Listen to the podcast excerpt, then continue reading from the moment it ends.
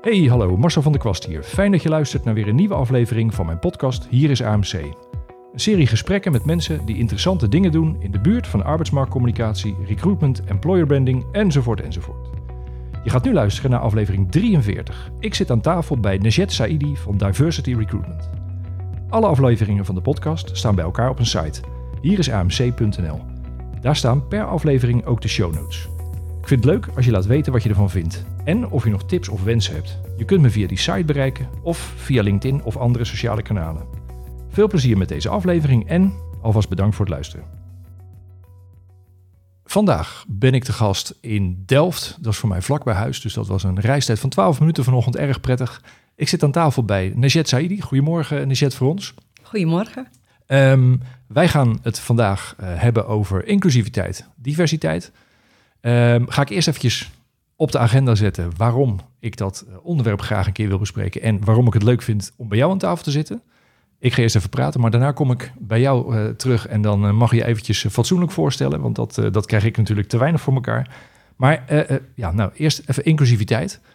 Groot onderwerp, ingewikkeld onderwerp, vind ik zelf eerlijk gezegd ook, moeten we het zeker over hebben, want voor arbeidsmarktcommunicatie speelt het natuurlijk op heel veel fronten speelt het een belangrijke rol. Uh, maar ik heb er wel een beetje mee geworsteld over hoe kunnen we het hier nou over hebben. Want um, het, het, is, ik, ik vind zelf een, ingewikkeld onderwerp. Het is een heel groot onderwerp. Dus in feite kan je er alles bijna aan ophangen. Uh, en tegelijkertijd is het, dan, ja, is het dan weer, komen we niet praktisch. Dus we moeten ergens, nou ja, daar, daar moeten we iets op zien te vinden. En ik denk dat we daar wel een, een, een ja, qua opzet hebben we daar wel een klein beetje op voorbereid.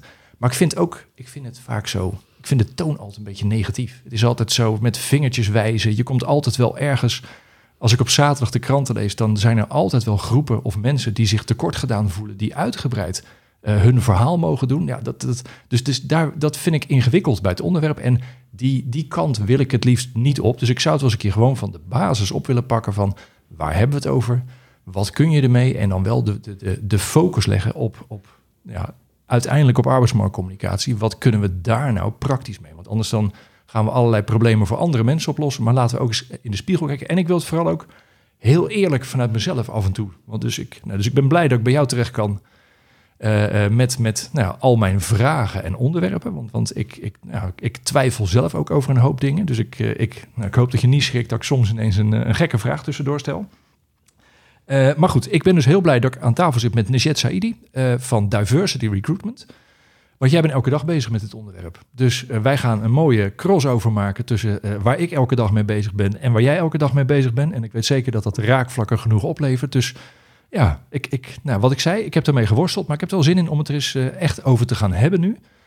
Ik heb niet de illusie dat wij in één aflevering even dit hele onderwerp afvinken, want daarvoor is het te groot en te, te, te meeslepend. Maar dat we zien aan het eind wel wat we besproken hebben en wie weet plakken we er nog een aflevering aan vast. Maar dat, dat komt allemaal wel. Tot zover mijn hele lange introductie. Ik hoop dat we nog luisteraars over hebben, want dit is natuurlijk nog geen fatsoenlijke introductie van jou, wie je bent, wat je doet. Vertel dat zelf eens uh, uh, wel op een goede manier. Wie ben je, wat doe je en uh, nou, wat, wat, ja, wat ra hoe raak jij dit onderwerp? Ja, nou dankjewel Marcel. Um, ja, allereerst, ja, Nishat Saidi, spreekt mijn naam heel goed uit, dus dat heb je ook duidelijk. Ja, dat blijft meestal wel een uitdaging. Um, maar wie ik ben, uh, ik ben Nesjet Saidi, ik ben 37 jaar, geboren en getogen in Amsterdam. En ik kom uit een gezin van uh, negen meiden, ik ben nummer drie. En uh, geen broers, geen broertjes, dus dat maakt het wel ook heel leuk. Um, Goh, ik, ben, ja. vader van twee meiden. Dat vond ik, vind ik eerlijk gezegd al veel. Maar negen meiden, dat zijn hele andere beelden. Maar goed, dat... Uh... Ja, dat klopt. Het was vroeger ook wel uh, af en toe uitdagend hè, voor mijn ouders. Maar het is uh, uiteindelijk goed gekomen met ons allen. dat um, ik, dat ja. zal ik vasthouden. Ja, en ik woon sinds een aantal jaar in Den Haag. Um, ik heb ongeveer 15 jaar ervaring in het vakgebied. Echt met recruitment in de uitzendbranche. En met het onderwerp diversiteit en inclusie. En ruim acht jaar geleden Diversity Recruitment opgezet. Met als doel om kansengelijkheid uh, te bevorderen op de arbeidsmarkt. En, um, ja, en dat doe ik uh, met heel veel passie en plezier. We zijn uh, enorm aan het groeien. Het onderwerp heeft de afgelopen jaren extra aandacht gekregen. Ook naar, naar aanleiding van BLM, Black ja. Lives Matter. heeft het ja, nog een extra boost gekregen. En ja, ik moet eerlijk zeggen dat ik daar wel heel blij mee ben, want we kunnen nu eindelijk stappen zetten met de organisaties. Je ziet ook dat het onderwerp heel lang al op de agenda staat, maar niet altijd de prioriteit ja, krijgt die, mhm. die, die, die het eigenlijk ook nodig heeft. En ja, daar ben ik dagelijks mee bezig met mijn En, en kan je een paar voorbeelden noemen van trajecten die je doet met je, met je bedrijf? Ja, eigenlijk heel divers ook. Met name op het gebied van recruitment. Dus echt kandidaten aanbieden op vacatures. maar ook wel de procesbegeleiding. Wat je ziet is dat organisaties heel veel doen op het gebied van arbeidsmarktcommunicatie. Maar niet altijd de juiste doelgroepen weten aan te trekken.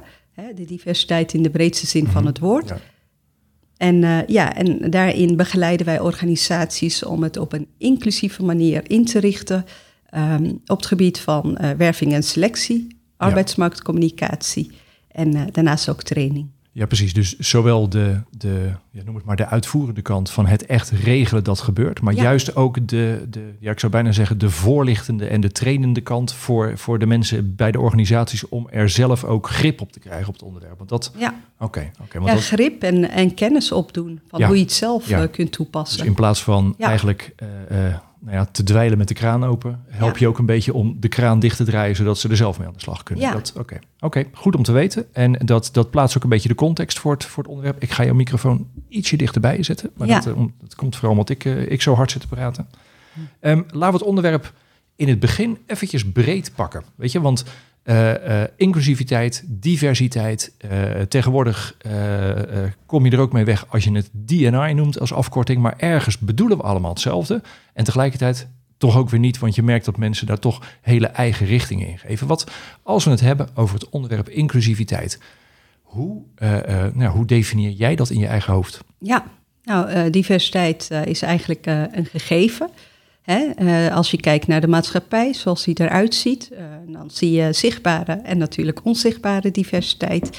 En, um, ja, en dat zijn uh, categorieën mensen die je eigenlijk nodig hebt om diverse teams op te bouwen. Zegt de, het, ja. En voor inclusiviteit betekent dat je ook dat je mee mag doen in de besluitvorming en dat je jezelf mag zijn in de organisatie. Dus doet iedereen ertoe binnen een organisatie? Wordt de stem van de minderheid ook meegenomen in de besluitvorming. En uh, kun je jezelf zijn. Ja. ja, dat is En dat is als je nou, um, weet je, het onderwerp in de breedte. Wij hebben het hier in ieder geval over werkgevers en over de arbeidsmarkt, weet je. En als je het nou uh, daarop betrekking laat hebben, um, dan, dan is het, weet je, wat je zegt, iedereen, iedereen zou mee moeten uh, mogen doen. Dat ergens de vraag die in mijn hoofd dan vrij snel oppopt is: waarom moet je nou aan inclusiviteit doen? Weet je, is dat een soort uh, ja, bijna je morele plicht en zit het ergens bijna in de, de, de doing good, zeg maar? Weet je, dat, dat hoor je te doen als fatsoenlijke werkgever. Uh, of is het ook, ja, is het ook harder? Is, het, is, is er ook een hardere doelstelling? Weet je, want hoe, hoe uh, nou, heel plat gezegd, waarom zou ik als werkgever aan inclusiviteit moeten doen? Ja, nou ja, sowieso ook je morele plicht. Mhm. Eh, in de zin van uh, ja, goed werkgeverschap. Uh, als je goed werkgeverschap uh, aanhoudt, dat betekent dus dat je alle mensen gelijk een eerlijke kans moet geven ja. in je organisatie. En, en ook diverser worden en inclusiever worden.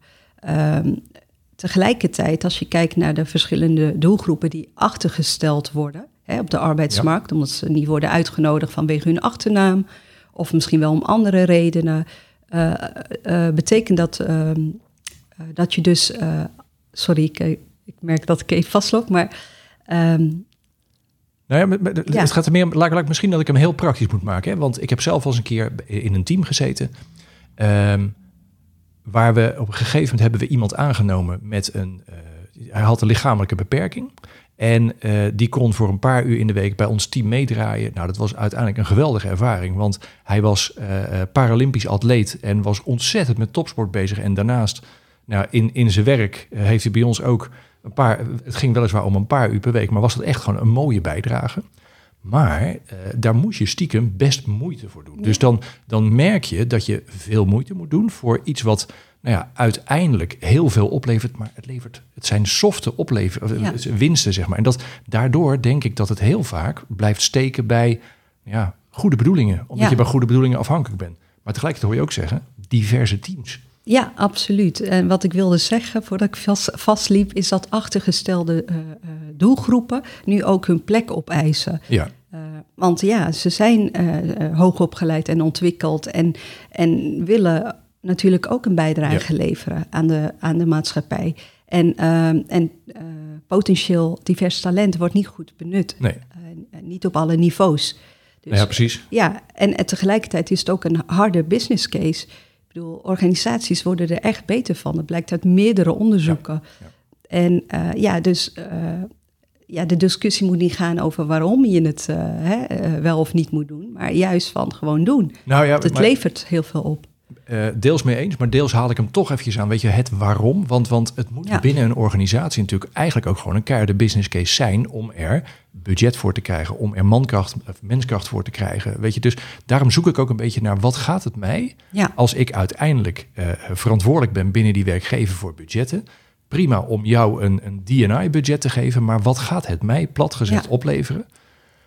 Nou ja, wat, Ja. eh, als je zo'n vraag Ja. krijgt, hoe, hoe begin je met beantwoorden ervan? ja, nou ja, allereerst, het gaat je een betere imago opleveren. Mhm. Ik bedoel, eh, je krijgt een voorsprong op je concurrentie. Ja. Het ligt er ook aan waar je je in bevindt. Maar als je internationaal zaken doet, dan moet je wel divers zijn. Want anders kun je niet goed inspelen op die klantbehoeften. Ja.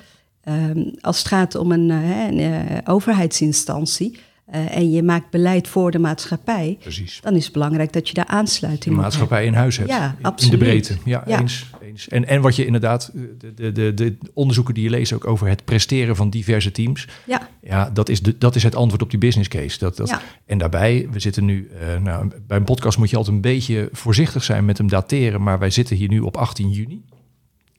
De berichten nu, met het loslaten van corona, over de arbeidsmarkt die weer nou ja, vreselijke tekorten op gaat leveren, die, die ja. die komen ook weer omhoog. Dus ook dat moet het laatste zetje zijn wat je nog nodig, als je het nog nodig hebt, om daar ook juist alle groepen aan te spreken die er zijn op de arbeidsmarkt. Want er zit gewoon veel meer ja. nou ja, eh, verborgen potentieel. Maar het is wel, je moet er wel iets meer moeite voor doen. Tenminste, Ja. eh, eh, dat, dat, dat misschien een te, te, te simpele samenvatting, maar dat, dat, dus, dus die balans zoek ik een beetje. ja. Ehm, eh, en, en als je het heel hebt over diversiteit, hè, want dat is natuurlijk ook e- even een ander containerbegrip wat ik even wil ontleden met je. Ehm, op welke fronten kun je, schuine streep, moet je allemaal diversiteit nastreven? Ja, nou ja, als we het over de zichtbare diversiteit hebben, denk aan gender, denk aan leeftijd, aan eh, culturele achtergronden, s- ja, seksuele geaardheid, zie je soms wel, zie je soms niet natuurlijk. Eh, maar zeker ook de zichtbare diversiteit, omdat je als organisatie ook eh, die afspiegeling eh, moet zijn. Mensen moeten zich ook herkennen in je organisatie. Ja. Eh, als we het over de onzichtbare diversiteit hebben, denk aan ehm, eh, geloofsovertuiging, politieke voorkeur, maar ook ja, bepaalde ehm, eh, ka- ja, karaktereigenschappen. Ja, precies, precies. Gewoon eigenlijk een, een, Ja, een mix van. een, goede schets maken van je team en, Ja. en eh, in kaart brengen welke smaken je nog mist. Ja, Maar absoluut. dat, is- dat is ontzettend ingewikkeld. Want als jij zoiets zegt als eh, nou ja, de, de onzichtbare diversiteit, zelfs de zichtbare diversiteit is al ingewikkeld. Want nou, je, je, je mag als werkgever niet eens vragen naar de, ja, naar de nationaliteit, soms wel, maar die is in de meeste gevallen Nederlands. Maar dan zit daar natuurlijk nog een heel spectrum achter aan mogelijke diversiteit. Ja, Ik vind het heel ingewikkeld om het daarover te hebben. Maar dat, dat komt misschien net zo hard bij mij vandaan, omdat je bang bent dat je op glad ijs begeeft om naar iemands ja, achtergrond te vragen. Hoe, hoe kun je daar als werkgever mee omgaan? Ja. Zo- Door je mensen niet te veel eigenlijk ermee te overvallen dat je, dat je het wil weten. Nou ja, kijk, vragen kan altijd, zeg ik. eh, maar het gaat er ook om waarom wil je dat eigenlijk weten? Kijk, tuurlijk wil je meer diversiteit in je team, eh, teams eh, krijgen of in je organisatie. Maar eigenlijk moet je daar de koppeling mee maken. Hè? Wat is die meerwaarde van die specifieke doelgroep? En, en niet alleen van, oké, je hebt een andere culturele achtergrond en daar ga ik echt op searchen en, en, aange- hè, en de vraag bij jou neerleggen, waar kom je vandaan? Kijk, eh, uiteindelijk gaat het erom van, wat voeg jij toe aan het team? En, uh, en dat je zichtbaar een andere culturele achtergrond hebt, is leuk. Maar uh, je hoeft er niet expliciet naar te vragen. Mensen vertellen dat soms ook zelf hè, bij hun introductie. Ja, ja. Maar daar moet het niet over gaan. Nou ja, daar zeg je iets interessants. Soms vertellen ze het. Dat is nog niet altijd gegarandeerd dat het dan ook gehoord wordt. Of dat er naar geluid. Weet je, dat, ja. daar kan je dus voor een belangrijk deel ook in je vraagstelling en in de, de, de openstelling kan je daar ruimte voor bieden. Ja. Dat je de mensen eigenlijk beter leert kennen. Ja. Maar het is wel, het is een gevoelig onderwerp. Want, want um, wat je zegt is dat het dus, het is heel subtiel. Ik vind interessant dat de, de berichtgeving, weet je, is eigenlijk helemaal niet zo subtiel. Nou is dat natuurlijk, voor een deel hangt dat samen met uh, nieuws überhaupt. Nieuws is nooit heel subtiel. Maar er, er, wordt altijd vrij snel geoordeeld over de, nou ja, de diversiteit van een bepaalde werkgever. Terwijl, heel eerlijk, als ik twintig foto's of video's van mensen op een, op een werkenbijsite zie staan, moet ik eigenlijk bij mezelf concluderen dat ik geen enkel oordeel kan vormen over de meeste vormen van diversiteit. Ja. Want die zie ik niet. Terwijl toch krijg je dan vaak al de opmerking van, nou, ik zie, uh, ik zie hier weinig diversiteit. Of ik Ja. zie hier, oh, dit is weer zo'n standaard diversiteitsplaatje. Hoe, hoe, ga je daarmee om? Ja. Uh, als expert, dus echt vanuit mijn inhoudelijke rol bedoel je? Ja? Ja, kijk, wat ik belangrijk vind, en zeker in beeldvorming, is dat je uh, verhalen vertelt. Mhm. Verhalen over uh, storytelling, over de mensen die bij je werken Ja. en wat je als organisatie waar je voor staat. En, en dat je daarbinnen die diversiteit laat zien, dat is extra mooi. Uh, maar het gaat er niet om dat je een plaatje hebt of een video met iemand van kleur, maar juist uh, de, uh, eigenlijk de inhoud. Dus wat heeft diegene Ja. te vertellen over zijn functie en waarom het leuk is om te werken. Um, en, en, dat je zegt van, hè, de, en dat ligt ook gevoelig, dat je, geen, hè, dat je die diversiteit misschien niet gelijk ziet. Of dat je, oh, het licht gaat uit. Ligt uit, wij moeten even bewegen. Ja. Nou, ja, anders. eh, nou, dan blijven we gewoon lekker in het donker zitten. Ja, oké. Okay. Nou, um, ja, en wat dus belangrijk is, dat je uh, kijkt naar, uh, of tenminste vanuit de kandidaten. Uh, jeetje, nu begin ik weer vast te lopen. Nee, maar, de, nee, maar het, het, het, gaat erom ja. van, weet je, hoe, hoe kan je daar nou... Komt goed. La, laten we hem doorpakken, want ja. wat je merkt, weet je, we gaan straks naar de, de praktische kant toe. Uh, ik wil nog één dingetje daar vooraf even als een, als een, een wat groter ding uh, even, even adresseren. En dat is uh, bias. Weet je, ja. dat is, nou ja, ik, ik zoek nog naar, een, een, hoe, hoe vertaal jij dat in het Nederlands? Is, de, is dat vooroordeel? Is ja, dat, onbewuste vooroordelen. Ja, ja, want dat is natuurlijk uh, dat is een onderwerp wat je vaak tegenkomt als het gaat om diversiteit, inclusiviteit. Um, uh, ik merk dan gelijk dat ik, nou weet je, la, laat ik mezelf even schetsen. Ik ben 52, ik ben een witte hetero man, ik ben getrouwd, ik ben nog niet gescheiden. Sorry, laat mijn vrouw dat niet. Ik ben niet gescheiden, ik ben gelukkig getrouwd. Deze verspreking, of ik ga hem eruit knippen of ik ga er heel veel last van krijgen. Um, uh, ik, ik, ik, woon in een dorp in de Randstad. Uh, ik, heb, ik woon in een rijtjeshuis. Ik, ik hou van voetbal en ik hou van Feyenoord. En ik ben voor Feyenoord. Dat is niet een hele logische combinatie. um, ik ben, als het me uitkomt, op de, sommige tijden ook flexitariër. Weet je, dat, dat is een soort... Als ik mezelf op die manier even schets... Mhm. Mm -hmm. dan zit ik, heb ik het gevoel dat ik gelijk al in een bepaalde hoek van het diversiteitsveld ja. terechtkom. En dat ik dus op die manier, van, van sommige onderwerpen, wordt het ook lastiger om daar iets van te vinden. Maar, maar dat, ja, dan kom je uit. Hoe, zou jij op zo'n plaatje van mij, zou jij dan Ja. mijn biasen kunnen schetsen? Ja, en grappig dat je die vraag stelt. Dat is natuurlijk heel lastig, omdat ik dan ja, zelf dat, vanuit... Dat snap ik hoor. Dat... Ja, maar dat ik vanuit mijn eigen bias naar jou ga kijken, dat, Ja. dat, dat lijkt me niet handig. Ja, maar tegelijkertijd kan je bijna niet anders, toch? Nee, want er zijn 188 Oké, biases. Oké, ja. Hè? En eh, ik heb ze niet allemaal bestudeerd. Nee. Maar eh, het feit dat je hè, dit over jezelf zo schetst, ehm, wil niet zeggen dat je ehm, ja, he- heel homogeen bent. Ik bedoel, eh, diversiteit gaat ook over jezelf. In jouw eh, hè, eh, hebben en houden ben je ook eh, divers. Ehm, ik neem aan hè, dat je niet hetzelfde bent als eh, alle andere eh, mannen hè, in niet, dezelfde maar het- het- leeftijd. En Nee, maar het is, weet je, het is uh, door zo'n rijtje van mezelf te noemen, weet je, dan tik je natuurlijk wat hokjes Ja. aan. Uh, en het gaat heel vaak over hokjes. Maar eigenlijk, als Ja. ik je goed beluister, weet je, dan moet je vooral ervan uitgaan dat je op alle fronten uh, gebiased bent. Bij gebrek Ja. aan een beter woord. Uh, onbewuste vooroordelen noem jij het. Nou, onbewust. Je hebt al heel snel de neiging om van jezelf te zeggen: Oh nee, maar ik ben niet bevooroordeeld. ja, Nou, dat misverstand moet dus in ieder geval de wereld uit.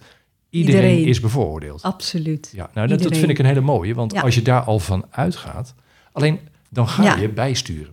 Ja. Dat, is dat ook niet gevaarlijk als je dan juist gaat bijsturen? Nou ja, op het moment dat je weet welke eh, vooroordelen je hebt, ehm, kun je daar wel op enigszins op letten.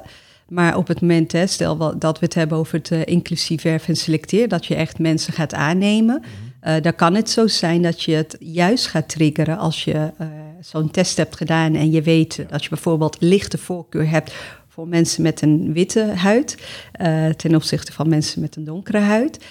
is het wel, eh, ja, dan kan je dat juist in gaan zetten. Terwijl dat, dat juist niet de bedoeling En is. is, de, is dat zo strak te benoemen dat je echt gewoon een test kan doen waaruit Ja. blijkt hoe. Ja. waar? Oh, dat vind ik Ja, best, best, vind ik eh, best schokkend. Ja, absoluut. De implicit bias test van Harvard kun je eh, doen. En dat eh, kun je ook op het gebied van gender en leiderschap doen. Denk aan, als we het hebben over een chirurg, dat je niet stiekem aan een oude, witte, grijze man denkt. Hè, en niet gelijk aan een vrouw. Een vrouw kan ook een chirurg zijn. Ehm, maar, en is het dan, ja? als je dan gaat. ehm, kijk, dan heb je bijna ook de neiging om, als je dat weet van jezelf. Nou, bijvoorbeeld van een chirurg is wel interessant, want ja, dan. dan Oké, ja, dat, dan denk je misschien inderdaad eerder aan een oudere grijze man dan aan eh, een, een, een ander mens. Ja, Ehm, maar dan ga je dat in je eigen hoofd corrigeren. Want dan Ja. zeggen we, oké, als ik daaraan denk, dan ga ik dus bewust meer... De, dan ga je vrij snel de kant op van, ja, noem het maar positieve discriminatie. Waarom? Of- nou ja, laat ik zo zeggen. ehm, als je dan gaat kijken wat de Universiteit Eindhoven heeft gedaan, die op een gegeven moment vanuit hele logische afslagen heeft gezegd: wij gaan, ik dacht dat het voor een jaar was, alleen nog maar op zoek naar vrouwelijke hoogleraren. Eh, daar is ontzettend veel gedoe over geweest. Terwijl als je het, de, de, de besluitvorming daarachter hoort om tot die beslissing te komen, is daar eh, A heel goed over nagedacht. En vind ik er ook in veel gevallen ook wel wat voor te zeggen. Alleen uiteindelijk merk je dan ook dat, eh, eh, dat vrouwen gaan zeggen van... ja, maar wacht even, ik wil aangenomen worden omdat ik goed ben. En Ja. niet omdat ik toevallig een vrouw ben. Weet Ja. je, dus hoe, hoe ga je daarmee om? Want als, je Ja. met, als ik mijn bias ga corrigeren... dan ga ik denken aan vrouwelijke chirurgen. Ja, Maar dan is de vrouwelijke chirurg waar het om gaat in dit geval... die is daar misschien helemaal niet zo blij mee. Want die voelt zich daar ja, eigenlijk eh, tekort gedaan op haar chirurg zijn. Dat, ja. hoe, hoe, train jij organisaties om daarmee om te gaan? Want Ja. ik, ik raak zelf al in de knoop. Nou, we hebben een werkwijze ontwikkeld waarbij je dus op een inclusieve manier dus je werving inricht en, en selectie. Dus dat betekent dat je op zoek gaat naar die kwaliteiten die bijvoorbeeld vrouwen meenemen. Ja. Eh, nou, denk aan feminine kwaliteiten. Dus dat betekent niet dat je per se een vrouw moet aantrekken, maar dat je ook mannen hebt met feminine kwaliteiten. Of als we het hebben over die culturele diversiteit, dat je eh, die poolfactoren daarin meeneemt, eh, zeg maar in de Ja, vacaturetekst. Ehm, waarbij je dus ook op zoek gaat naar inclusieve competenties. Precies. Dus Dus je maakt hem objectief, ja, en je, je haalt hem weg van de personen. juist. Ja, Ja, ja. dus echt, echt op basis van die meerwaarde die iemand meebrengt. En als aanvulling op het team, dat is altijd het uitgangspunt. En dan zie je dat en in de reacties meer vrouwen solliciteren en meer mensen eh, met biculturele achtergrond. Ja, En als je het eh, selectieproces zo inricht dat je het objectief gestructureerd doet en ook nog aan de hand Ja. van die specifieke competenties, dan zorg je ervoor dat je die diversiteit aanneemt vanwege de kwaliteit. Ja. En niet omdat iemand een vrouw is of een andere culturele achtergrond heeft. Eh, en het fijne van deze werkwijze vind ik persoonlijk is dat iedereen een gelijke en eerlijke kans krijgt. En dat, dat heb je nodig. nou ja, precies. Dan, dan, onderschrijf, dan omschrijf je eigenlijk de basisdefinitie van inclusiviteit die je in het begin Ja. gaf. Weet je? Dus, maar dan is het wat ik daar vooral uithaal. En dan, dan, dan stap ik dus zelf vol met twee benen in die allereerste valkuil. Ik denk te veel in personen.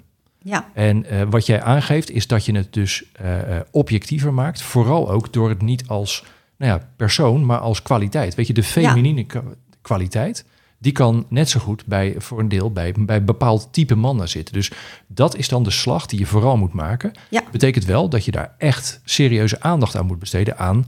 Ja, kijk, de, de profielomschrijving is natuurlijk juist in arbeidsmarktcommunicatie is een, een, een containerbegrip dat gaat wel even een stukje verder dan eh, eh, met elkaar een tekstje opschrijven van eh, wat, wat, wat we ongeveer willen. Want dat betekent echt dat je hier een, een volledige karakterschets moet gaan maken. ja, Oké. ja. Nou, dat vind, dat vind ik interessant. En in die zin is het ook wel grappig dat, nou ja, ik, eh, nou ja, dat, dat, die, die fout maak ik gelijk, maar dat is voor het gesprek wel goed om het, om het in persoon te, te houden.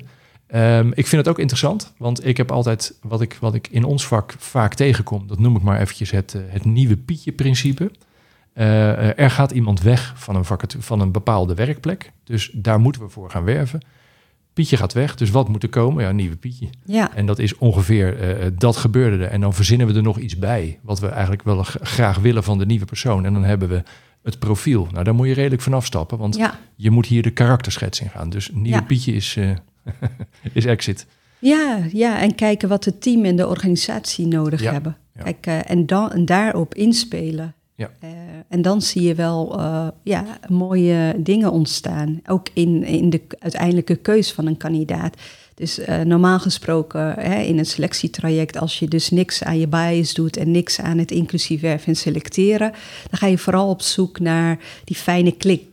Hè? Ja. We willen een nieuwe Ja. leuke collega erbij. En eh, ja, ik, ik, ik vaar op mijn onderbuikgevoel. En als ik een klik met jou heb, dan word jij mijn collega. En je kan ook nog een beetje wat, hè? Dan, eh, dan zit het goed. Maar dat is dus niet het vertrekpunt. Eigenlijk moet je kijken welke kwaliteiten ontbreken er. En, ehm, eh, welke, ja, en hoe objectief je talent gaat meten. Ja. En, en dan zie je dat een heel andere kandidaat gekozen wordt. Ja. Eh, en, en selectiecommissies staan dan ook versteld van... oh, als we deze werkwijze nooit hadden toegepast... dan was die kandidaat het niet geworden. En niet omdat hij eh, eh, niet zou voldoen aan de kwaliteit... maar omdat ze met een andere bril keken naar, naar de Ja. kandidaat. Hey, en nou is eh, recruitment en arbeidsmarktcommunicatie ook, wordt wel heel erg geregeerd door de korte termijn. We hebben nu een vacature en eh, dat betekent dat er een plek leeg is. Dus we willen zo snel mogelijk een kandidaat. Ja, Ehm, wat je omschrijft is dat je, dat je nou, in jouw praktijk denk ik dat je dus veel tegen werkgevers moet zeggen, je moet meer tijd nemen. absoluut. Hoe krijg je Ja. dat voor elkaar in zo'n eh, toch korte termijn gedreven vakgebied Ja. als recruitment? Ja, nou ja, eh, kijk, eh, tuurlijk, eh, soms moeten we ook gewoon meegaan hè, op die rijdende trein en willen ze het liefst gisteren nog de vacatures vervuld hebben. Maar tegelijkertijd, als ze echt dit oprecht willen oppakken en er echt van willen leren, Ja. dan geven we wel aan van dat we echt de tijd moeten nemen voor die procesbegeleiding. Ja. Zodat, ze ook kennis, hè, zodat wij kennis kunnen overdragen. Eh, en dan zie je dat ze daar wel rekening mee houden. En dan hè, in plaats van vier weken eh, een doorlooptijd hanteren, dat we dan naar twee eh, of zes tot acht weken gaan. Ja. En ja, en uiteindelijk gaat het erom dat we kwaliteit leveren en dat zij daar ook nog van kunnen leren. En niet we vullen snel een de vacature in met een, een kandidaat van de doelgroep en that's it. Want diegene die, die gaat natuurlijk instromen en je wil ook niet dat hij over een half jaar vertrekt. Nee. Nee, en daarbij is het Ja. zeker nu, weet je wel, dat is dan eh, de korte termijn die helpt. Ja, Is dat het automatisch zoeken naar een vergelijkbare kandidaat als, nou laten we nog maar even Pietje noemen. Eh, die vijver, die droogt natuurlijk ook op. Dus, dus je moet automatisch als werkgever, word je nu wel gedwongen om alle opties eh, te, te benaderen. En dat betekent dus dat je het profiel breder moet gaan, of Ja. objectiever moet gaan invullen. Maar het is wel interessant, hè, want ehm, zoals we het gesprek begonnen, was het heel erg van het onderwerp is overal aanwezig. Dat, dat, ik zat letterlijk in de auto hier naartoe te luisteren naar een discussie over eh, kansengelijkheid in het onderwijs. Nou, dat kan Ja. je één op één natuurlijk ook weer relateren hier aan dit onderwerp. Niet zo, het lerarentekort kwam daar ook aan de orde. Dus, dus het is Ja. echt letterlijk eh, bijna ieder uur wel in het nieuws. Tegelijkertijd schets je twee grote drempels van waar we het eerst over hadden. De, eh, waarom moet ik dit nou echt doen? Weet je, behalve fatsoenlijk werkgeverschap. Maar als we het druk hebben, dan is het fatsoenlijk werkgeverschap. Dat komt morgen wel weer. Weet je, dat, dat, dat gevaar heb je heel erg met vakgebied. En daarbij het gevaar van de, de, ja, de day-to-day eh hassle van recruitment en arbeidsmarktcommunicatie. Maar daar heb je, daar heb je een mooi antwoord op gegeven. Laat, laten we een klein eh, stapje maken. Iets meer naar de, ehm, ja, noem het de praktische kant. Je hebt al een paar doorkijkjes gegeven hoor. Maar als je echt, weet je, deze podcast gaat uiteindelijk over arbeidsmarktcommunicatie. Ehm, dat is natuurlijk uiteindelijk je spiegel naar buiten en naar binnen toe. Eh, maar communicatie is ook keuzes maken. En dat vind ik, daar kom ik op een paar dingen van, van waar je eh, nou ja, heel praktisch, weet je, jij noemde Ja. net al een voorbeeld. Ehm, kijk goed naar je vacatureteksten om die inclusiever te maken. Nou snap ik dat daar, dat is, weet je, dat is een te groot proces om dat nu in twee regels samen te vatten. Maar kun je iets vertellen over waar dat inclusievere in zit in de Ja. vacaturetekst? Ja, zeker. Ja, absoluut. Want uh, ja, het is natuurlijk wel van belang dat je in elke processtap, hè, in je hele werving uh, en selectie, uh, zaken verandert, dus inclusiever maakt. Als we het hebben over de vacaturetekst, dan kun je beginnen met na te denken over een goede diversiteitsstatement. Een, uh, een goede diversiteitsstatement bestaat uit uh, zeg maar, uh, je missie als organisatie en dat je de koppeling maakt met de diversiteit. Hè? Dus waarom dat is je de diverse... eerste waarom-vraag. Ja, ja, exact. Ja. Dat zou Mooi. ik daarin terug laten komen. En dat maakt je ook geloofwaardig als organisatie, maar ook aantrekkelijk. Ja, en dat is één op één verbonden met je employer brand. Daar moet het dus ook in zitten. En niet, nou, niet als een soort duizend dingen doekje regel van uiteraard doen we aan inclusiviteit. Nee, waarom doet u daar precies aan? Ja. Mooi. Daarnaast maak je ook de koppeling met de functieinhoud. Hè? Dus wat is die meerwaarde waarde van die diversiteit? Ja. Dus dat je ook echt op zoek gaat naar een inclusieve competentie. Uh, ik heb daar een voorbeeld bij, inclusief vermogen. Dat houdt in dat je vanuit verschillende perspectieven naar vraagstukken kunt kijken. En dat je aansluiting vindt bij de uh, ja, diverse maatschappij, zoals Ja, die eruit ja. ziet. Um, en daarmee uh, ja, haal je mensen binnen met een breder perspectief. Ja. Dus die heel breed kunnen kijken vanuit verschillende invalshoeken.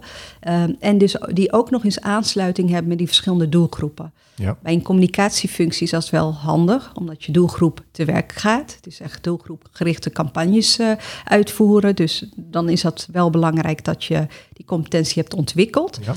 Uh, tegelijkertijd is het ook belangrijk, en dat geldt gewoon in zijn algemeenheid, dat je een heldere en wervende tekst hebt. Ja. Hè, functieomschrijving, wat, moet je de, uh, hè, wat uh, houdt die functie in? Dus wat doe je precies? Hoe ziet je dag eruit? Maar ook in wat voor team kom je Ja. terecht? Hè, welke mensen werken er? En wat is mijn meerwaarde op, op het team? Ja. Dus de meerwaarde van de kandidaat. Hey, en nou, nou is niet ieder team, hè, niet ieder team is natuurlijk 100% divers. Nee. Weet je, dat, dat kan bijna niet. Nee, of Hoe moet je nou? Want, want uh, nou, we zitten een beetje in de praktische fase. Dus ik, ik schiet een beetje van Ja. links naar rechts hoor. Ik kom straks nog even terug op dat employer brand. Mhm. Maar ik ben uh, een aantal jaar geleden uh, ben ik voor de campagne Werken voor Nederland ben ik een tijdje verantwoordelijk geweest voor de invulling van de Werken bij site. Gewoon werkenvoornederland.nl. Ja. Um, belangrijk daarbij was om zoveel mogelijk of, om mensen aan het woord te laten om te vertellen over hun werk binnen de Rijksoverheid. Dus dat was eigenlijk één grote, ja, noem het maar één grote diversiteitsoefening. Want we wilden zoveel mogelijk uh, vakgebieden. Uh, weet je, het, als je het inhoudelijk uh, vertrekpunt, ja. dan wil je zoveel mogelijk mensen van zoveel mogelijk verschillende vakgebieden laten vertellen wat voor mooi werk zij doen op hun vakgebied voor, nou in dit geval de Rijksoverheid. Ja. Maar dat geldt in principe die definitie voor elke werkgever. Het werd op een gegeven moment heel ingewikkeld. Want, uh, kijk, in die zin is de overheid een mooi voorbeeld. We hadden op een gegeven moment volgens mij meer dan 200 mensen op de site staan die over hun werk vertelden. Ja. Dan ga je kijken naar de, nou weet je, uh, is deze groep voldoende divers? Dat is ontzettend ingewikkeld. Want waar ga je, weet je, dan ga je letterlijk letten op de dingen waar je op kunt letten. En dat is, maar dat is altijd een indruk. Ja. Hoe kan je nou daar op een zorgvuldige manier mee omgaan om je team goed genoeg te laten zien? Want ik heb nu het voorbeeld van de Rijksoverheid, waarbij je de luxe hebt dat je heel veel verschillende mensen hebt, dus heel veel kunt bijstellen. Als je een kleine werkgever bent, dan heb je een team van nou, misschien wel zes mensen. Ja. Wat je uiteindelijk ook wil laten zien. En wat misschien ook wel heel divers is. Maar dat kun je niet in eerste indruk laten zien. Hoe, Ja. hoe kan ik dat? Hoe zou je me, Ja. als ik bij jou aanklop met die vraag, hoe zou je me daarbij helpen? Ja, een mooie, uh, mooie vraag. Uh, allereerst, als je de diversiteit niet in huis hebt, dan is dat niet heel erg om daar ook eerlijk en uh, open over te zijn. Dus ook in je diversiteitsstatement, van, hè, dat je die diversiteit wel nastreeft en, uh, en ook de why daarin goed vermelden. Tegelijkertijd, ehm, als je de verhalen wil, wilt vertellen vanuit je medewerkerskant, maar die diversiteit is hè, zichtbaar, diversiteit is niet aanwezig, dan kun je wel de koppeling maken met het werkveld. Want hè, waarschijnlijk hè, heb je wel hele diverse klanten waarvoor je werkt. En, uh, en dan kan je wel zo'n klant in beeld brengen met ja. je in combinatie met die medewerker. Dus heel erg op zoek gaan naar um, uh, vraagstukken waar je ja. zeg maar in de praktijk mee bezig bent en daar de diversiteit in opzoeken. Ja. Zeg. Maar dan loop je er wel tegenaan, want uh, stel dat je in het IT-werkveld mensen in beeld moet brengen.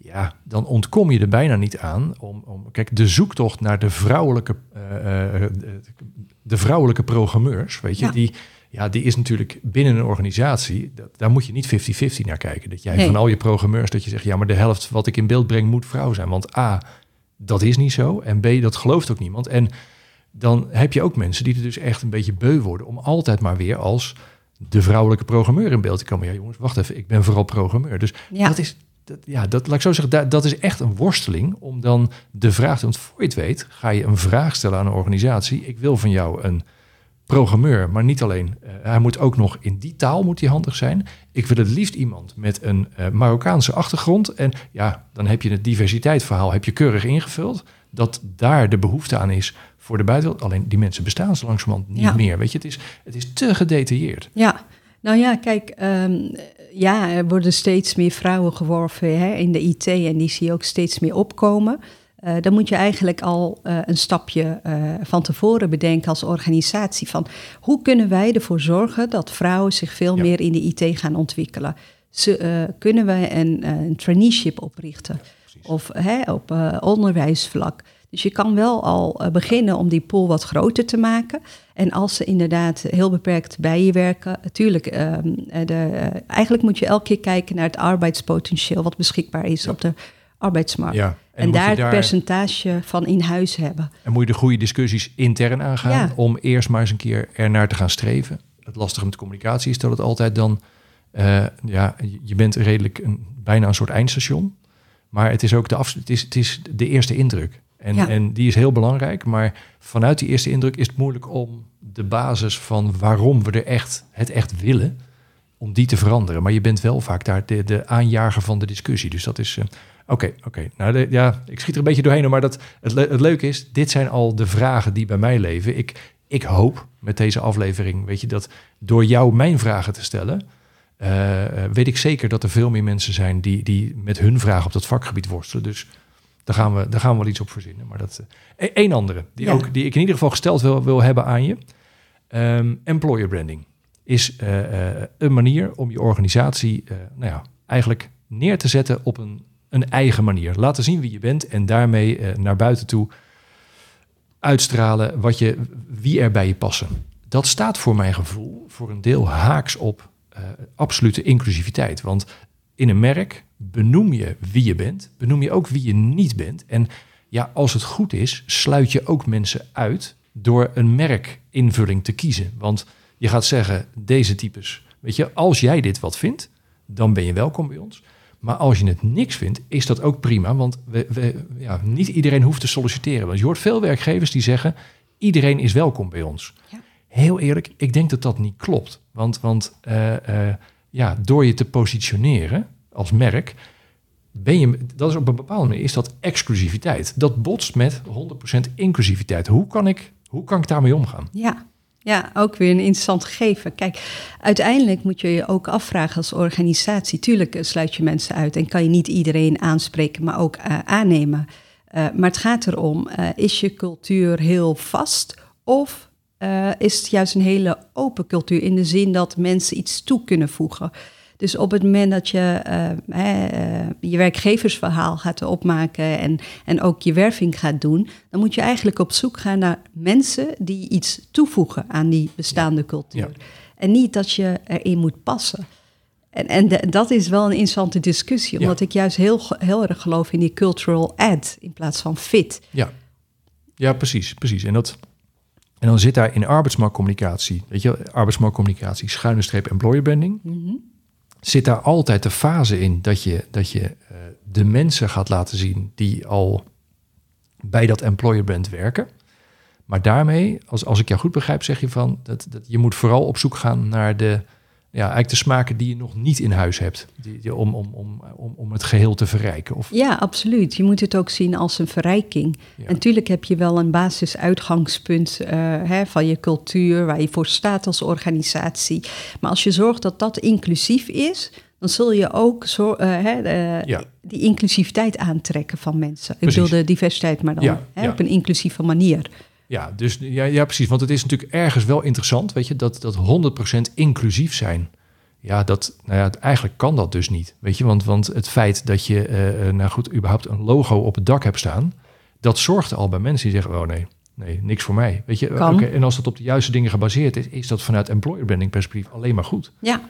Maar de, dus daar zitten, maar de mensen die er in principe voor in aanmerking kunnen komen, Daarvoor moet je zorgen dat je 100% inclusief bent. Ja, dat, je zoveel mogelijk open staat voor uh, ja, de andersdenkenden en mensen die iets toevoegen. Ja, ja, ja precies. Ja. Nou, we komen wel ergens. nou ja, nee, maar eh, eh, oké, maar weet je, nu hoor jij, dat zijn de vragen die, die, die bij mij leven. Ja. Um, als, als jij het voor jezelf uh, moet, moet, moet benoemen, hè, de, de, de praktische slag naar arbeidsmarktcommunicatie. We hebben nu de vacaturetekst gehad. We hebben, uh, nou goed, weet je, de, de, noem het maar, de mensen op je site, de afspiegeling, daar heb ik een vraag over zat. Zitten daar nog onderwerpen bij die ik nu niet vraag, maar die jij wel graag ook, ook eruit wil lichten? Uh, ja, uh, in de zin van uh, je werving bedoel je dan? Ja, of, of gewoon ja. Eigenlijk, eigenlijk, praktische dingen. Waar, je, waar, misschien wel waar je het meest tegenaan loopt bij jouw opdrachtgevers. Waar, waar ja. begin je nou mee? Nou, inderdaad, gewoon nog steeds bij de why. Want wat je ziet is dat uh, de top van de organisatie... die heeft wel duidelijk een visie en die wil graag. Uh, maar als je verder naar de werkvloer kijkt... dan is dat niet overal, uh, zit dat tussen de oren...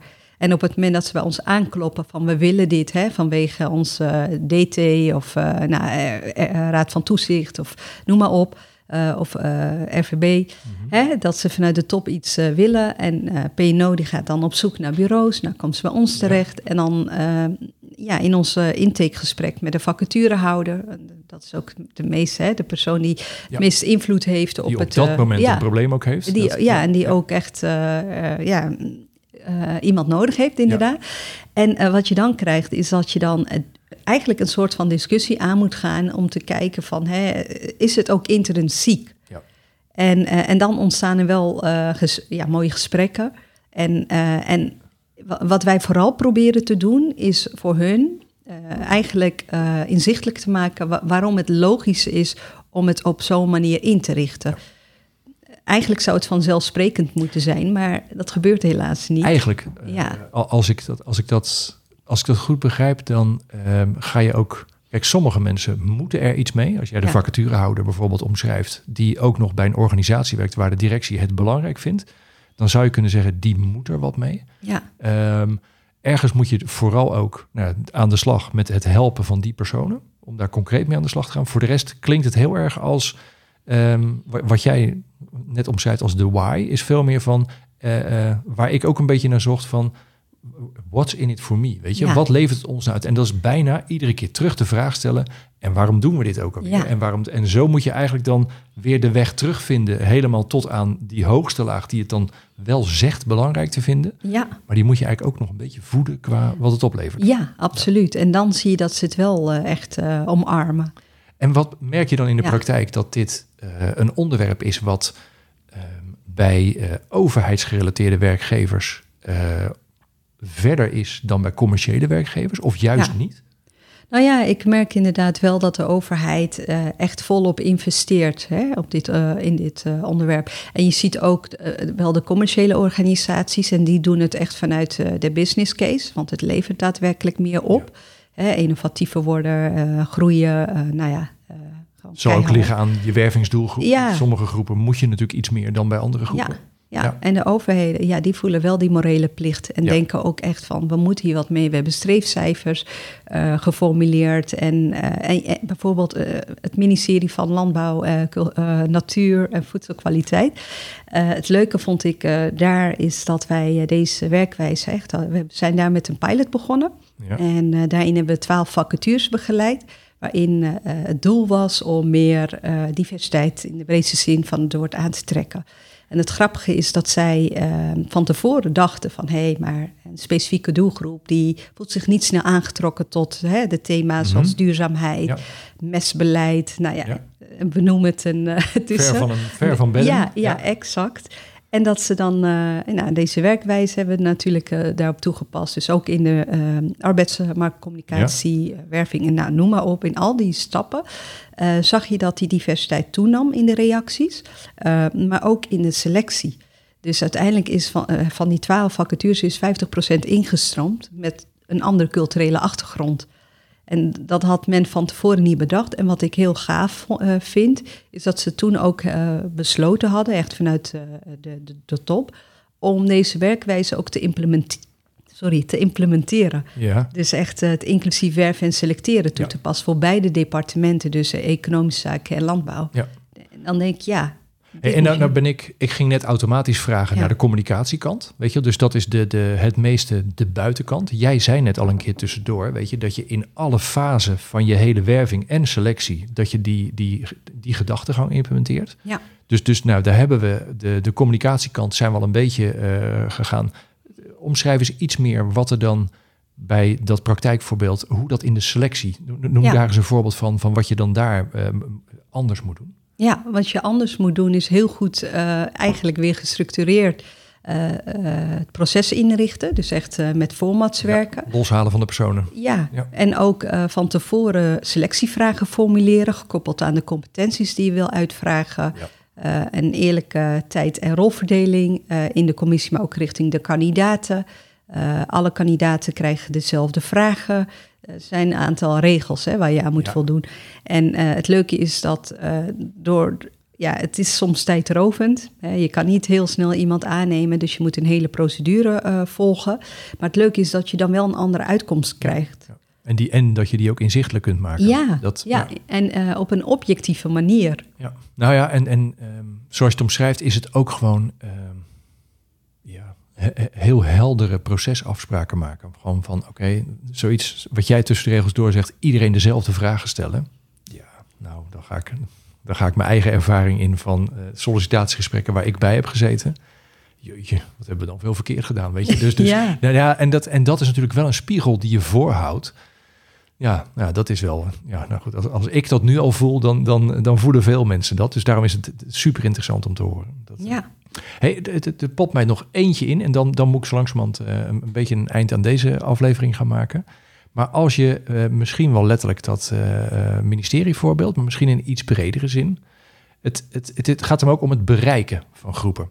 Um, ik weet wel eens wat, wat ingezoomd op politiecases of defensiecases om echt heel gericht um, nou ja, groepen te benoemen en die ook nou ja, daarvoor de drempels weg te nemen of aandacht aan te besteden. Maar dan zit je uiteindelijk ook gewoon in de bereiksfase. En dat, dat maakt het heel ingewikkeld als je überhaupt moet benoemen welke groepen je wil bereiken. En dat, want ik weet, maar dan, dan, dan verraad ik mijn leeftijd ongeveer. Maar het is, uh, uh, het is jarenlang gegaan over de, de TMSA-doelgroep. Dat was dan Turks, Marokkaans, Surinaams, uh, Antilliaans. Dat was een soort eh, groepsomschrijving. Nou, ik denk dat, je dat, ik denk dat het nu bijna strafbaar is om het zo te noemen. Want de, hele discussie is daar veel subtieler over geworden. En ik denk dat dat, nou, dat, dat is logisch, want dit gaat echt over jaren geleden. Maar toen was er wel eens dat de krijgsmachtdelen, die organiseerden echt aparte open dagen. Of het nou ging om de uh, nou, mensen met een Turkse achtergrond of mensen met een Marokkaanse achtergrond. Omdat, en, en weet je, pin mij niet vast hoe het precies zat voor welke groep. Maar bij de ene groep was het heel belangrijk om bijvoorbeeld samen met meerdere familieleden langs te mogen komen. En bij de andere groep was het juist weer heel veel belangrijker om ze niet naar een locatie te laten komen, maar ze zelf op te zoeken. En zo was dat zo gedetailleerd. Ging dat, en dat is nou niet om, weet je wel, wat geldt er nou voor de T en wat voor de M. Maar het gaat mij er meer om van, het is extreem maatwerk om bij groepen in beeld te komen. Maar net hadden we het er ook over. Het is heel moeilijk om te benoemen welke groepen je exact op gaat zoeken. Ja. Hoe, nou, heel, heel, ik ga de vraag heel makkelijk aan Hoe doe ik dat? Ja, nou ja, als je het over die specifieke organisaties hebt, zoals Defensie en de politie, uh, die moeten het echt hebben van uh, letterlijk uh, op pad gaan om de mensen aan te trekken. Ik kom ze ook wel eens tegen op een Kwaku-festival ja, nou ja, precies. in Amsterdam. En ehm, als je kijkt naar de, de moslimgemeenschap, dan worden de iftars georganiseerd om, om ook die groep een beetje aan te, aan te spreken. Um, ja, kijk, als je zover moet gaan uh, om die groep aan te trekken, zou ik zeggen, vooral doen.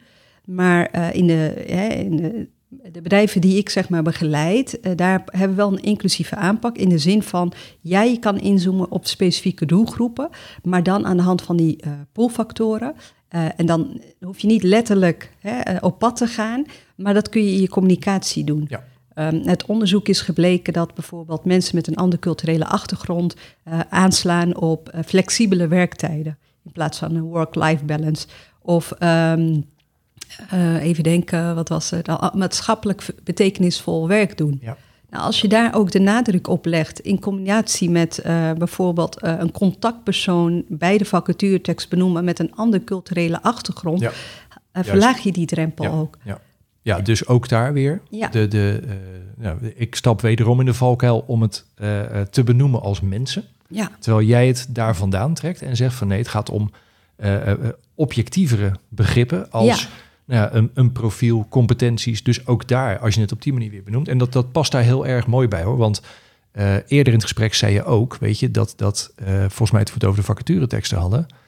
Uh, geef aan waarom je streeft naar diversiteit. Nou, Ja. of je het nou over de politie of over defensie hebt, die hebben dat allebei extreem goed voor elkaar. Want Ja. iedereen snapt het, iedereen gelooft het. Eh, waarom die dan, nou bijvoorbeeld in Iftar, weet je, als je daar ineens Ja. defensie eh, die dat gaat doen, ja, kom op jongens, waarom is dit? Ja, dat moet je dus ook geloofwaardig zien uit te leggen. En daar slagen ze op zich wel in, weet je. Dus, dus dat, dat ja, Ja, nee, kijk, ik ben soms wel wat kritischer. Ja, kijk, eh, Defensie eh, slaagt erin in de zin dat ze wel die verbinding opzoeken. Maar als je kijkt naar de afspiegeling hè, binnen hun Ja. personeelsbestand, is dat natuurlijk nog lang niet zo divers als het hoort Nee. te zijn. En bij de politie geldt hetzelfde. Ook als je kijkt naar etnisch profileren. Eigenlijk wilde ik daar niet naartoe gaan, maar goed, we- ze hebben het niet helemaal 100% Nee, de, precies. Er is nog genoeg om aan te werken. Maar, maar je Ja. merkt wel, als je, als je naar de wervingsaanpak kijkt, Ja. dat, dat, dat ze, ehm, ze kunnen wel op een geloofwaardige manier aangeven waarom zij een diverse organisatie nastreven. Ja. Dat, was, dat was iets wat jij zei, wat je als organisatie in ieder geval Ja. moet, moet invullen. Dus dat, Ja, ik geloof dat bij die clubs al, waarbij, je hebt gelijk, er is nog genoeg werk te doen. Maar maar stap twee is zorgen dat je een inclusieve organisatiecultuur eh, hebt. En, en daaraan vooral aan gaat werken.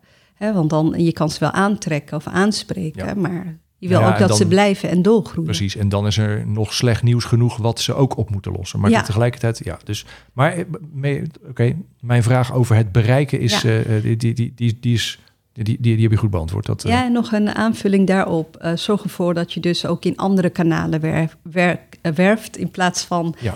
de, de geëikte eh, netwerken. Omdat eh, als je kijkt, eh, wij zelf hebben best wel een groot bereik. eh, ongeveer 12.000 volgers op LinkedIn. Eh, en, dan, en dan zie je wel dat daar meer de diversiteit eh, in te vinden is. Ja. Logisch ook. Ja. ik bedoel, dat is ook onze focus. En, maar je hebt ook andere diversiteitskanalen die je in kunt zetten. Zoals. Vanix Radio bijvoorbeeld. Ja, precies. En dat, maar dan heb je het bijna over, ehm, ja, ik zou bijna zeggen breed bereik. Ik, ik vind het, wa- wat je net ook zei, interessant. eh, door wie je je verhaal laat vertellen als organisatie. Daar zit natuurlijk je eigen eh, diversiteit al. Moet je wel oppassen dat je daarmee niet te veel op ons kent ons eh, gaat zitten. Ja, Maar er zit al heel veel diversiteit in je eigen club die je ook kan benutten. Dat, absoluut. ja. Oké, we gaan een klein beetje naar het... het, het we, gaan, nou ja, we gaan er een punt achter zetten, maar ik wilde eigenlijk een komma van maken. Kom ik zo op. Eén vraagje nog. Als jij... ehm, weet je, je zegt een paar keer van er is onderzoek wat, wat wijst naar. Nou, we, we gaan nu niet uitgebreid over onderzoek hebben, maar eh, eh, is, er, is er één onderzoek waarvan je tegen iedereen die nu nog zit te luisteren kan zeggen van lees in ieder geval dat onderzoek Ja. eh, over dit onderwerp? Ja, Diversity eh, eh, Matters, eh, Wins of... Nou, ik, ik weet exact de te- titel ik niet, maar de, ja, mee, maar dat- inderdaad. Maar McKinsey, die heeft meerdere onderzoeken gedaan naar dit onderwerp. Dus eh laat ja, ik zo zeggen, verdiep ik- je daarin. Ik zal Ja. ze. eh, ik kom nog even bij terug voor de exacte link naar het onderwerp. Dan zet ik hem in, eh, zal ik hem in de show notes zetten, dat mensen dat in ieder geval kunnen bekijken.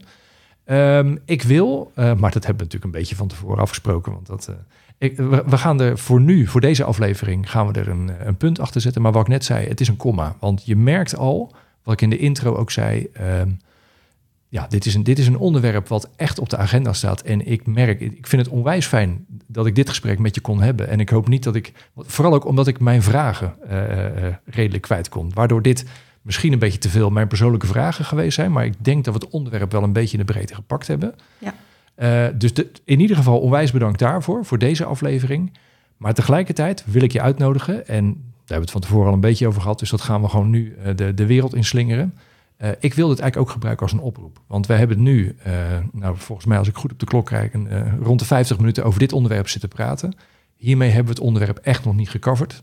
Dat hoeft ook niet in de volle breedte. Ergens in een serie over arbeidsmarktcommunicatie vind ik dat dit nog, nog meer plek moet krijgen. Dus, maar ik, ben, ik wil vooral iedereen die dit hoort, ziet of luistert oproepen van vanuit dit onderwerp, hier loop je zelf ook rond met vragen. Van, van hoe moet ik nou omgaan in mijn organisatie met dit? Hoe eh, eh, heb je voorbeelden van dat? Dus daarom bij deze een oproep. We gaan nog een keer een aflevering over inclusiviteit eh, praten. Maar Ik weet zeker dat ik voor die tijd zelf ook alweer vervolgvragen krijg. Maar ik wil bewust even de deur opengooien van iedereen met vragen. Stuur ze op. Nou, wij, wij gaan dat op LinkedIn en dergelijke ook wel even roepen. Maar stuur het of naar Nejet of naar mij via LinkedIn. En dan gaan wij een volgende aflevering maken met zoveel mogelijk vragen van zoveel mogelijk mensen. Want dan weet ik zeker dat we nog een keer over dit onderwerp een interessante aflevering kunnen vullen. Dus dat voor vervolg. Maar dat komt. Onwijs bedankt voor nu. Ehm, ja, ik heb echt uh, ja, ik heb, ik heb een paar mooie antwoorden gekregen waarvan ik ook echt alweer zit na te denken. Verrek. En ook voor conclusie, jezus, wat heb ik, wat heb ik veel verkeerd gedaan? Maar goed, laten we dat maar leren noemen. Dat, uh, super bedankt voor deze. Vond het leuk. En ja. uh, nou, tot, tot een volgende keer. En ja. heel veel succes met wat je doet. Dankjewel, jij ook. Oké. Okay. Tot ziens. Tot zover deze aflevering van Hier is AMC. Bedankt voor het luisteren. Je kunt je abonneren op deze podcast via SoundCloud, Spotify, Stitcher of iTunes of op welke manier jij je podcast ook binnenhaalt. Ze staan ook op YouTube voor als je nog niks met podcast doet. Alle info staat op de site hierisamc.nl. En de podcast is ook te vinden op Instagram. Graag tot een volgende keer.